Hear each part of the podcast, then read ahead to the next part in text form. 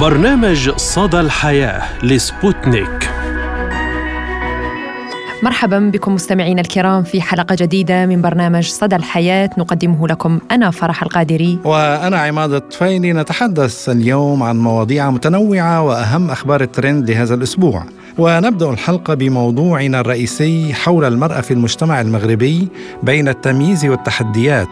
وما الجديد الذي جاءت به مدونة الأسرة في المغرب وهل أنصفت حق المرأة أم لا يزال هناك نقاط كثيرة بحاجة لإصلاحات؟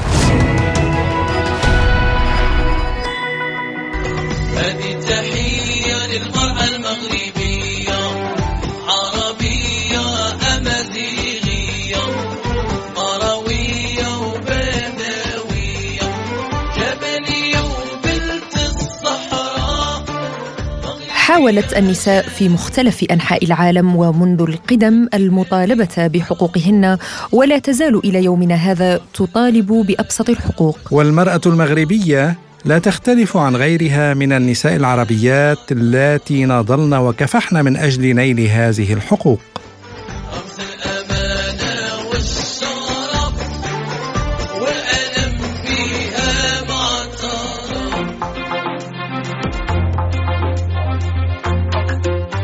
فالمرأة المغربية قطعت أشواطا طويلة في طريقها للحصول على حقوقها الكاملة وتمكنت من تحقيق العديد من المكاسب في مختلف المجالات إلى يومنا هذا. ولكن هناك العديد من القضايا التي لا تزال إلى اليوم معلقة وبها ثغرات ليست في صالح المرأة المغربية من تزويج للقاصرات وظلم للمرأة المطلقة والمرأة الأم العازبة والميراث وغيره. فالحديث عن حقوق المرأة ومشاركتها في تدبير الشان العام في المجتمع المغربي هو حديث عن تطور وتحديث المجتمع والدولة في المغرب المعاصر. والأكيد أن تطور القاعدة القانونية المنظمة للحقوق والحريات بالمغرب رهينة ولها علاقة بالتطور الذي تعيشه المجتمعات الإنسانية. ومن هذا المنظور شكل رهان التمثيلية السياسية للنساء بالمغرب إحدى التحديات الكبرى التي ارتبطت بتغيير عميق للعقليات. والتي تتطلب رفع هيمنة وسيطرة الذكورية تجاه النساء. أيضا ذلك شكل تحديا خاصا من بين أشكال علاقات السيطرة داخل المجتمع والعمل في إطار مقاربة للنوع الاجتماعي الذي يساعد في مناهضة اللامساواة والتمييز.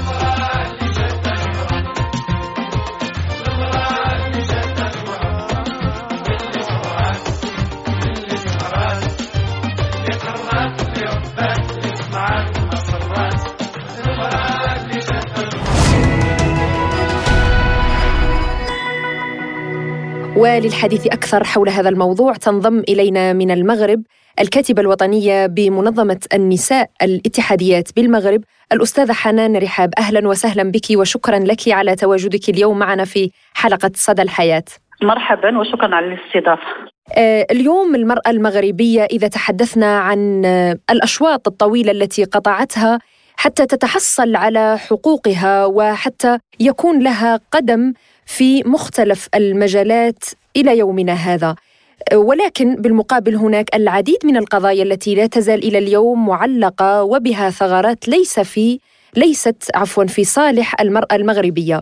على ضوء هذا يعني كيف ترين مواد مدونة قانون الأحوال الشخصية وهل هي بحاجة إلى تعديلات طبقا لمتغيرات الزمن؟ آه، بالنسبة لنا نعتبر على أن مدونة الأسرة اليوم التي أقرها المغرب في سنة 2005 أصبحت متجاوزة وتحتاج بشكل آه، سريع ومستعجل إلى مراجعة شاملة ودقيقة لأجل أن تواكب التطورات المجتمعية والتي يعرفها المغرب وتواكب التطور وطبيعة الأسرة المغربية. وبالتالي آه، هذا المطلب هو مطلب حقوقي ومطلب نسائي ترفعه النساء الاتحاديات وعديد من التنظيمات النسائية في المغرب لأجل إقرار مدونة أسرة أو قانون أسري أو قانون أسرة. يضمن المساواة ويضمن آه، حماية المجتمع والتوازن في العلاقة الأسرية ويضمن بشكل أقوى المصلحة الفضلى للطفل. نعم سيدة حنان يعني طيب في حال تم تعديل المدونة هل برأيك من الممكن تحقيق المساواة بين النساء والرجال في ظل المتغيرات المجتمعية؟ أولا آه، القوانين مهمة جدا لتطور لتطور الشعوب وتطور المجتمعات أكيد أن خطوه التعديل أو خطوه الإصلاح والمراجعة الشاملة مهمة جدا وهي شجاعة شجاعة كبير يمكن أن أن يدخل إليها المجتمع المغربي من خلال تطوير وإعادة مراجعة قانون مدونة الأسرة. لماذا؟ لأنه كل القضايا المرتبطة بالأسرة المغربية تمر عبر هذا القانون المهم جدا وهو قانون يحكم كل بيت مغربي ويحكم كل أسرة مغربية سواء الأسر التي تعيش داخل ميثاق الزوجية أو الأسر التي تعيش خارج هذا الميثاق أي الأسر التي فرض عليها الواقع الطلاق أو الأسر التي تتكون فقط من أم عازبة. وبالتالي نحن في حاجة إلى تدقيق ومراجعة هذا القانون لإقرار المزيد من الحقوق الإنسانية للنساء لإقرار التكافؤ في الواجبات ما بين الأب والأم ولإقرار حقوق كاملة للطفل بمعنى هذه الحقوق الكاملة هو أن لا يصبح الطفل محل تجاذب ومراهنة بين طرفي الأسرة أو محل إهمال من طرف المجتمع عندما نتحدث عن الطفل الذي آه، ينشأ عن طريق علاقة حميمية غير موثقة أو طفل أم عازبة أو طفل نشأ عن علاقة اغتصاب أو عن علاقة غير غير غير غير آه، إنسانية مثلا بين المحارم وغير وغير ذلك. وبالتالي نعتقد على أنه الخطوة الخطوة القانونية مهمة. لماذا هي مهمة؟ أولا لأن المغرب سيلتزم بالاتفاقات الدولية الموقع عليها في هذا الباب أولا. ثانيا أن المغرب سيطبق جزءا كبيرا من ما ما يقر به الدستور المغربي الذي جاء سنة 2011 أي بعد إقرار المدونة مدونة الأسرة الحالية ثالثا الحاجة المجتمعية لهذا الإصلاح ولتغيير القانون. أقرها وتحدث عنها ملك البلاد في خطاب رسمي وقال أن مدونة الأسرة تحتاج إلى إصلاح. ورابعا الواقع المغربي اليوم وما يحدث في محاكم الأسرة وما تعيشه العديد من الأسرة. واختلاف أنظمة الأسرة في المغرب يتطلب هذا الإصلاح. نحن نتحدث عن المساواة في الحقوق والواجبات ونتحدث أيضا على على السعي نحو إقرار المصلحة الفضلى للطفل ونتحدث أيضا على حماية حماية يعني ما ينتج عن هذه الأسرة وما ينتج عن انحلال ميثاق الزوجية أو عن الطلاق أو ما ينتج عن علاقة غير موثقة رسميا أو ما ينتج عن علاقة كانت المرأة فهي الضحية نتيجة اغتصاب أو زنا المحارم أو تجار البشر أو غير ذلك أو ما ينتج عن علاقة حميمية كانت فيها المرأة يعني دخلت إليها المرأة بثقة وخرجت منها كأم عازبة. آه، بمعنى أنه مشوار طويل يحتاج يحتاج إلى مراجعة قانونية ويحتاج أيضا إلى إقناع المجتمع بأهمية إقرار هذا القانون وأهمية ترجمته بشكل آه، واقعي داخل المجتمع. طيب يعني أستاذة حنان إذا أشرنا إلى حالات الطلاق والتي تشهد ارتفاعا مستمرا بالمغرب، برأيك يعني أين الخلل؟ هل هو في الأسرة في حد ذاتها أو في الرجل في المرأة في القانون مثلا؟ هو ليس ليست ليست اولا ليست حالة الطلاق مرتفعة في المغرب ولا هناك مشكل في الأسرة المغربية. هناك آه، يعني واحد واحد التعامل مع البنية الأسرية بتعامل ليس مبني على على الحوار وليس مبني على الإمكانية على إمكانية الاستماع والتحاور والنقاش. ثم هذا عادي هي علاقات مشتركة تقبل المد والجزر والطلاق مثله مثل الزواج هو وثيقة وعقد واتفاق وغير ذلك وشقاق وغير ذلك. يعني أنه أنا لست بسوسيولوجية لأحلل هل يعني لأحلل أسباب الطلاق وغيره. لا مش أسباب نحن نحن تحدثنا عن القانون يعني لما تكثر نسبة الطلاق آه، هناك خلل في القانون تحديدا يعني الذي قد لا ينصف المرأة. لا الخلل في القانون هو لا ينصف المرأة القانون الآن هو هو مختل. لا ينصف المرأة ولا ينصف الطفل. نعم. لا ينصف أيضا الرجل في بعض الحالات. لأنه عندما عندما لا ينصف الطفل الرجل في بعض الحالات لأن هناك مجموعة من الرجال يستطيعون بداية حياة أسرية جديدة نظرا لتقليل الالتزامات المالية المترتبة نعم. عن الطلاق نعم. وعن حلال الميثاق الزوجية الأول لهذا نحن نتحدث عن المساواة وعن تك... عن عن عن التكافؤ بين المسؤولية والواجب وعن التكافؤ بين الحقوق وال... والواجب لا مثلا لا أنتم ان تمنح للمراه الحضانة وأن تبقى الولاية الشرعية عند الرجل بمعنى ماذا؟ بمعنى أنه أنا امرأة مطلقة منحني القاضي الحضانة على أطفالي ولكن في نفس الوقت بوجب هذا القانون تمنح الولاية للرجل للأب. وما معنى الولاية؟ مثلا إذا أردت أن أغير مدرسة ابني فعلي أن آخذ اذنا من من الولي, الولي. والرجل. إذا أردت مثلا أن أسافر مع أولادي إلى الخارج علي أن أخذ الإذن من الولي. إذا أردت مثلا أن أنجز وثيقة معينة لصالح طفلي علي أن أخذ أخذ الإذن من الولي. إذا أردت أن أسجل طفلي في مدرسة للعب كرة القدم علي أن أخذ إذنا من الولي.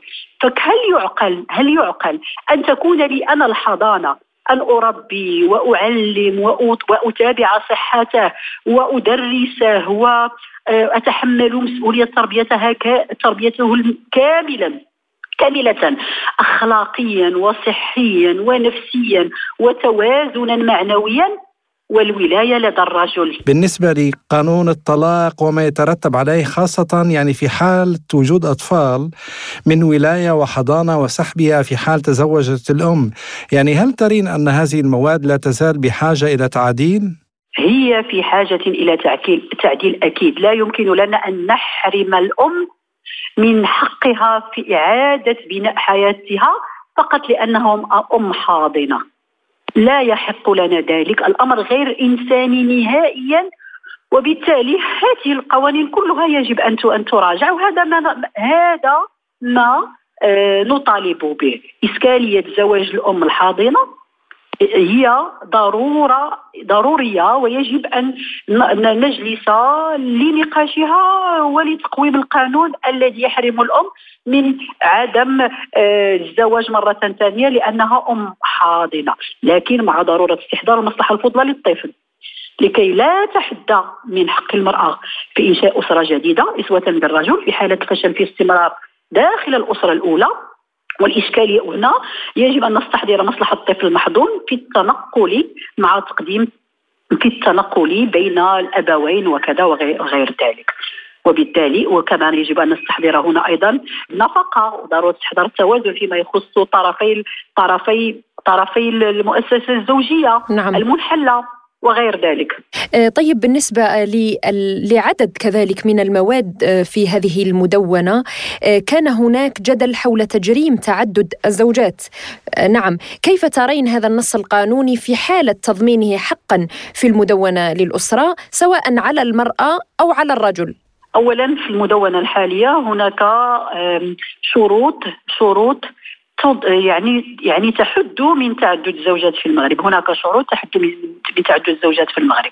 ولكنها لا تمنعه لا تمنعه تبيحه بشروط المدونة الحالية. نحن كنساء اتحادية نطالب بإلغاء هذه الإمكانية تماما ألا يكون هناك تعدد. أه الع...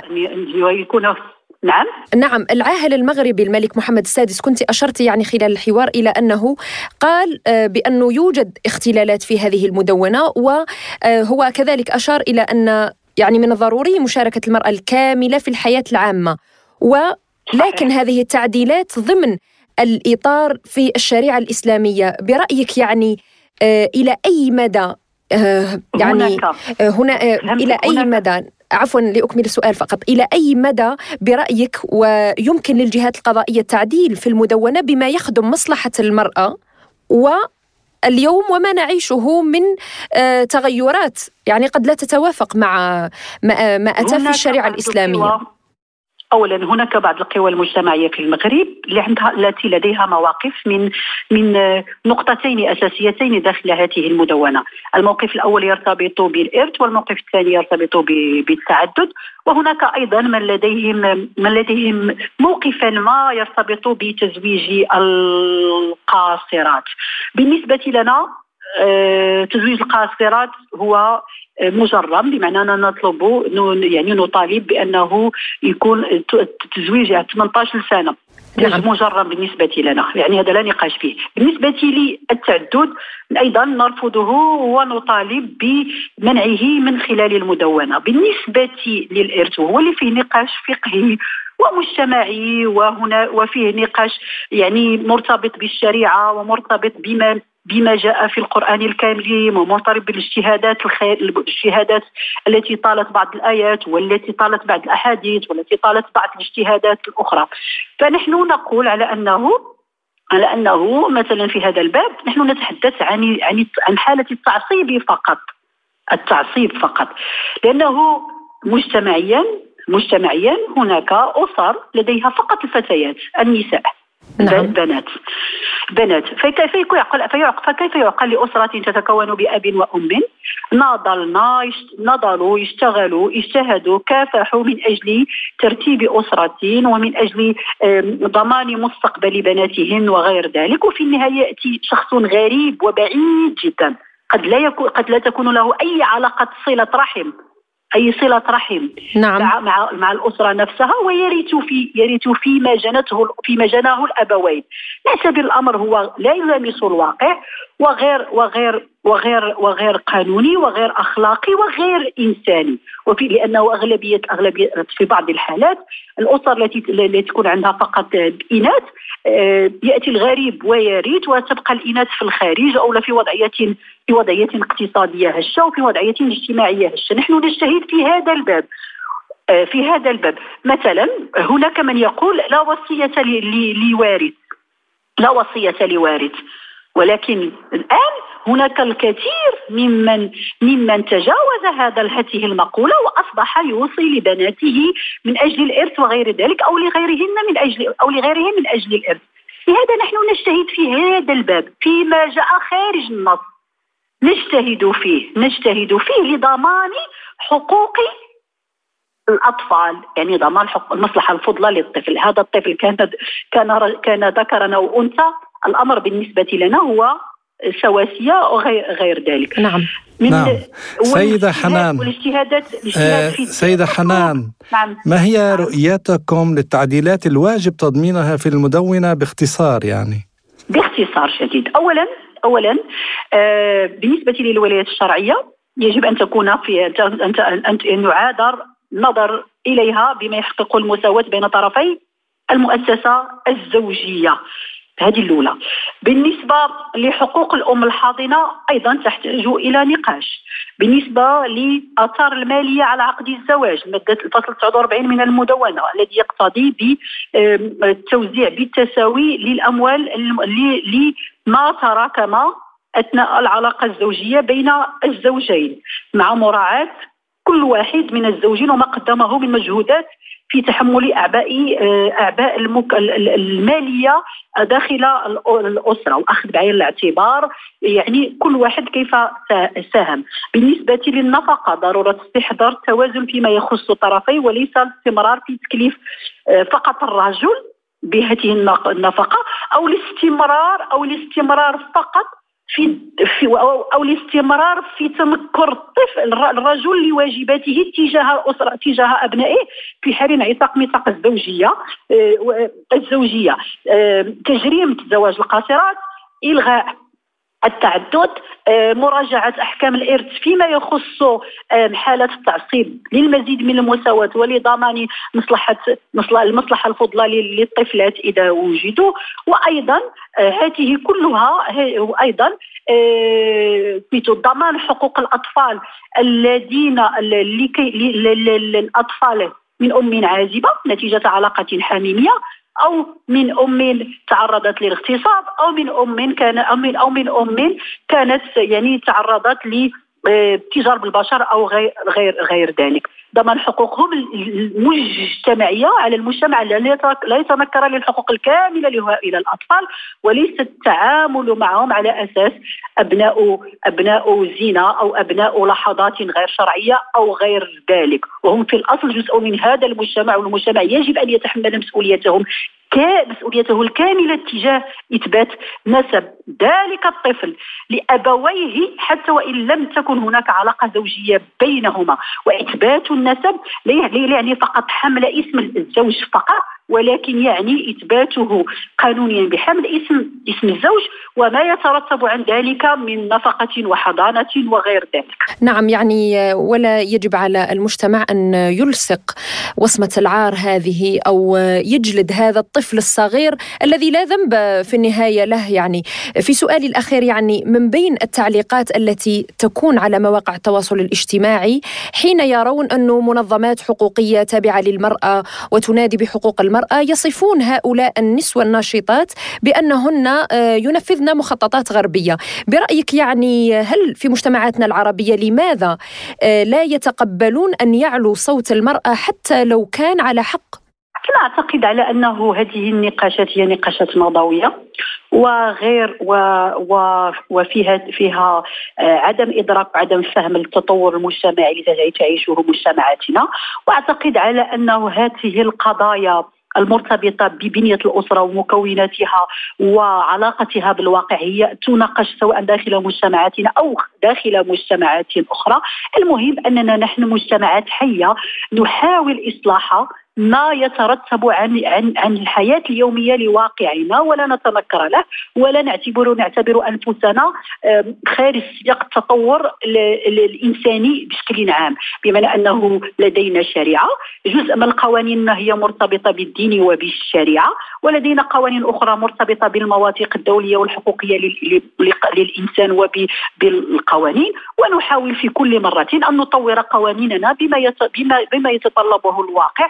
وتتطلبه الحياة الإنسانية للإنسان داخل مجتمعنا. أنا شخصيا أرفض نهائيا نهائيا ان أن يقدم لنا ايا كان دروسا سواء كان غربيا أو غير ذلك لأنه سنعتبر أعتبر أنفسنا نحن من المجتمعات الحيه الحيه الحية التي آه، تجتهد من داخل واقعها لتطور قوانينها. نعم نعم الكاتبة الوطنية لمنظمة النساء الاتحاديات في المغرب الأستاذة حنان رحاب كنت معنا من المغرب شكرا جزيلا لحضرتك.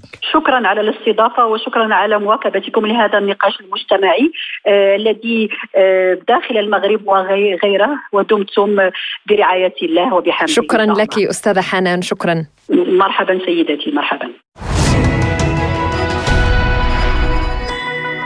نواصل مستمعينا الكرام معكم حلقة اليوم بأهم الأخبار التي كانت trending لهذا الأسبوع وما هو أول خبر لديك يا عماد؟ نعم فرح أثار خبر ولادة الطفل ساجد شقيق الطفل المغربي ريان الذي توفي إثر سقوطه في بئر قبل عام تفاعلا بين النشطاء الذين عبروا عن فرحتهم الكبيرة بتعويض الله الأسرة المكلومة وعبر والد ريان عن فرحته بالمولود الجديد مشيرا إلى أنه بعد العسر يسرى كما عبرت جدته عن الفرحه أيضا بقدوم المولود الجديد وشكرت الجميع على الحضور للتهنئة. وقالت والدة ريان شكرا على استضافتكم والحمد لله واليوم أنا فرحة جدا. والله من من أعطى والله من أخذ ودعت الله أن يرزق الناس ما تريد. وذكرت أنها تنوي تسمية المولود الجديد ساجد.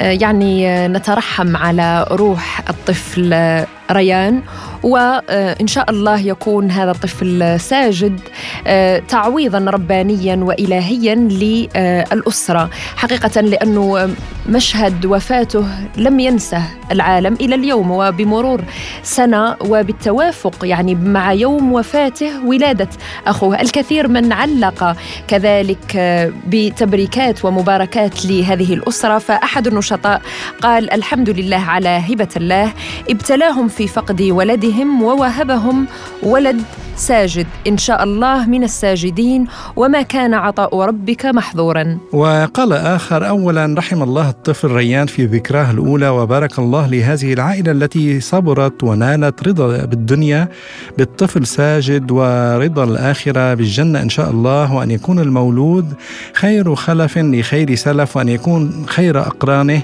ومرة أخرى ألف مبروك لهذه العائلة. وفي تعليق آخر زميلي عماد هناك من رأى بأن الأمر صدفة. ويا للصدفة كيف أنه في اليوم الذي توفي فيه الطفل ريان آه، يولد طفل ويسمى ساجد ويعني آه، الأمر ليس صدفة لأن الله تعالى كل شيء خلقه بقدر ولا شيء يأتي من فراغ. هو تعويض رباني ويمكن حتى يخف هذا اليوم تحديدا هو يوم مأساوي بالنسبة لهذه الأسرة ولكن آه، ممكن سيعوض الله بهذه الطريقة هذه الأسرة. قال آخر أنه ريان هو ريان وساجد هو ساجد ولا أحد يعوض الآخر حسب رأيه. يعني وسيبقى ريان راسخا في ذاكرة أمه لا سيما وأنه مات بطريقة صعبة النسيان وما زال الطين بلة هو أن الدولة المغربية بكامل ميزانياتها وأجهزتها وعدتها وقوتها لم تستطع أن تنقذه ومهما ابتسمت الأم لعدسات المصورين فإن اسم ريان سيبقى منقوشا في قلبها. ولا يستطيع ساجد أن يمحوه مطلقا. يعني هذا مجرد رأي لهذا المغرد ولكن قد يكون فعلا هو تعويض رباني لهذه الأسرة. وتحديدا في هذا اليوم. يعني رحم الله ريان ومبروك للطفل الجديد المولود الجديد ساجد. وفي خبر حزين للأسف نعت لجنة حقوق المرأة اللبنانية في بيان رئيستها السابقة ليندا مطر وقالت تعجز الكلمات عن التعبير عن عمق الأسى وفداحة الخسارة ببالغ الحزن والأسى.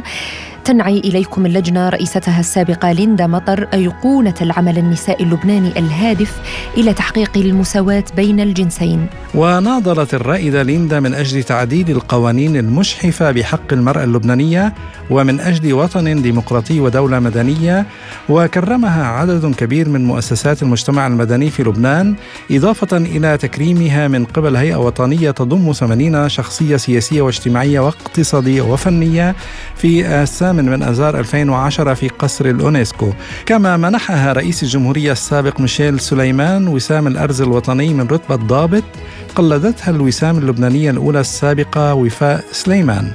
إنها كلمات قليلة من سيرة امرأة عظيمة رحم الله الفقيدة الغالية فقيدة النضال الوطني والنسائي في لبنان ليندا مطر رحمها الله تعالى ومنح العزاء لكل من عرفها وأحبها ورافقها ولو في بعض من مسيرتها. اللوم اللوم يا عم اللوم للبلوم يا عم. اللوم سركم يبقى قرعيني لا تنوم يا أصبحت أغنية اللوم يا عم للفنانة السودانية إيمان الشريف هي الترند الأول على وسائل التواصل واليوتيوب حيث وصلت مشاهدات الأغنية في أسبوع إلى مليون مشاهدة على اليوتيوب. واستطاعت الأغنية التي طرحتها إيمان قبل أسبوع تحقيق رقم قياسي غير مسبوق في المبثوثات السودانية على يوتيوب. الموسيقى السودانية تمتاز بتنوعها وغناها نظرا لتعدد الثقافات في السودان وترجع جذورها التاريخية إلى حضارات النوبة. فقد تم العثور على رسومات لآلة الطنبور أو كما يعرف بالربابة على آثار حضارة النوبة. ويستند الغناء في السودان على موروث ثري مستمد من الغناء الشعبي والديني الصوفي أي المديح الديني وأيضا مزيج من التراث الموسيقي الأفريقي والنوبي القديم.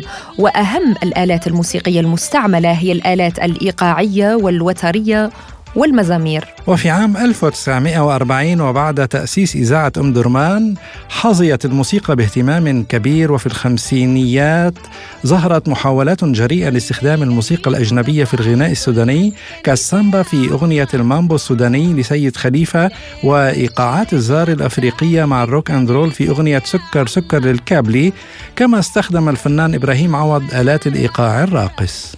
وبهذه الأغنية السودانية نصل وإياكم مستمعينا الكرام إلى ختام حلقة اليوم من برنامج صدى الحياة. قدمناه لكم من استديوهاتنا في موسكو أنا فرح القادري. وأنا عماد الطفيلي وشكرا لإصغائكم وإلى اللقاء. إلى اللقاء.